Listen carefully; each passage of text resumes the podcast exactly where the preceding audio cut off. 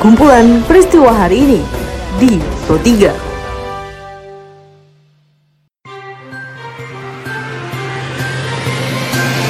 Halo pendengar, selamat berjumpa kembali di podcast Pro 3 RRI dengan kumpulan peristiwa hari ini. Pada podcast ini, saya akan mengulas terkait isu-isu aktual yang saat ini masih hangat atau ramai diperbincangkan di sekitar kita. Tentu saja nanti akan saya hadirkan cuplikan informasi dari reporter kami. Bersama saya Karisma Rizky dengan naskah oleh Tika Anantia. Inilah kumpulan peristiwa Pro 3 di ruang dengar podcast Anda. Dan pendengar sebelum saya masuk ke dalam beberapa isu aktual yang akan saya hadirkan sesaat lagi, saya akan mengundang Anda untuk mampir ke laman berita kami di rri.co.id. Anda juga bisa memfollow sosial media kami di Instagram, Twitter, dan Facebook dengan mengetik at Programa 3 di kolom pencarian Anda.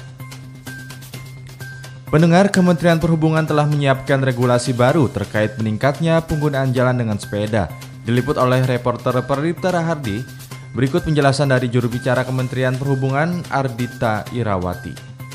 Ini nantinya akan eh, berlaku secara nasional. Nah, bagaimana nanti implementasinya? Tentu kami juga tidak bisa lepas dari koordinasi dengan pemerintah daerah. Jadi ini yang eh, saat ini betul-betul sedang kami mulai dan nantinya akan seperti apa implementasinya tentu kita harus kerjasama dengan elemen-elemen yang lain ya, termasuk Pemda dan juga nanti pihak-pihak kepolisian juga. Pendengar pemerintah memberikan santunan kepada keluarga tenaga kesehatan atau nakes yang meninggal akibat terpapar virus COVID-19 di Jawa Tengah. Dilaporkan oleh reporter Edwi Puryono, Menteri Kesehatan Terawan memberikan sambutannya saat program ini dilaksanakan. Jaga kesehatan dan terutama protokol kesehatan harus tetap dijalankan. Apa pun pekerjaannya, apa pun keberadaannya mau di mana saja, termasuk juga teman-teman wartawan, mohon untuk protokol kesehatan dijaga. Tetap sehat dan jangan sakit. Pendengar Gubernur DKI Jakarta Anies Baswedan menetapkan aturan tentang penggunaan kantong belanja ramah lingkungan yang tertulis pada aturan nomor 142 tahun 2019 saat diliput oleh reporter Diah Dayanti saat Kepala Suku Dinas Lingkungan Hidup Kota Jakarta Timur, Herwansyah, mengecek langsung penerapan aturan ini kemarin di Pasar Keramat Jati, Cililitan. Berikut ia memberikan pernyataannya. Kita sudah melihat di sini peran masyarakat sudah banyak sudah hampir sudah banyak yang tahu dan yang belum tahu itu bukan karena mereka tidak mau tapi sedang pemesanan di tempat uh, memesan barang-barang tersebut gitu Nah, yang menarik banget di sini itu antusiasnya gitu loh dan saya melihat masyarakat tuh sudah hampir ya kalau kita lihat tuh peran dari PD Pasar Jaya luar biasa untuk mensosialisasikan ini ke pedagang-pedagang yang ada di sini.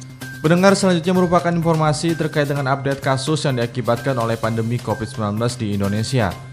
Laporan ini dikabarkan oleh reporter kami Niar Abdul, di mana jumlah kasus positif COVID-19 di Indonesia hari ini sudah mencapai 60.695 kasus, dengan tambahan 1.301 kasus baru. Dan berikut penjabaran selengkapnya oleh juru bicara pemerintah terkait COVID-19 Ahmad Yuryanto. Dari pemeriksaan ini kita mendapatkan data konfirmasi positif 1.301 kan karena tracing yang semakin agresif yang dilaksanakan oleh Dinas Kesehatan Daerah disertai dengan testing yang masif dari tracing yang kita dapatkan. Tentunya kasus yang kami laporkan adalah kasus yang konfirmasi positif dari pemeriksaan antigen baik dengan menggunakan real time PCR maupun dengan menggunakan TCM. Karena kasus konfirmasi positif pemeriksaan inilah yang masuk di dalam registrasi untuk pengamatan epidemiologi dunia. Pendengar informasi tadi sekaligus mengakhiri perjumpaan kita pada podcast edisi hari ini. Anda masih bisa mendengarkan podcast edisi hari ini dan hari lainnya di Spotify dengan hanya mengetik Pro 3 RRI di kolom pencarian Anda. Dan pendengar tetaplah menjaga jarak dan teruslah mengikuti berita terupdate di Pro 3 RRI. Saya Karisma Rizky undur diri, sampai jumpa. Jalanan Ibu Kota DKI Jakarta masih... Kumpulan peristiwa hari ini di Pro 3.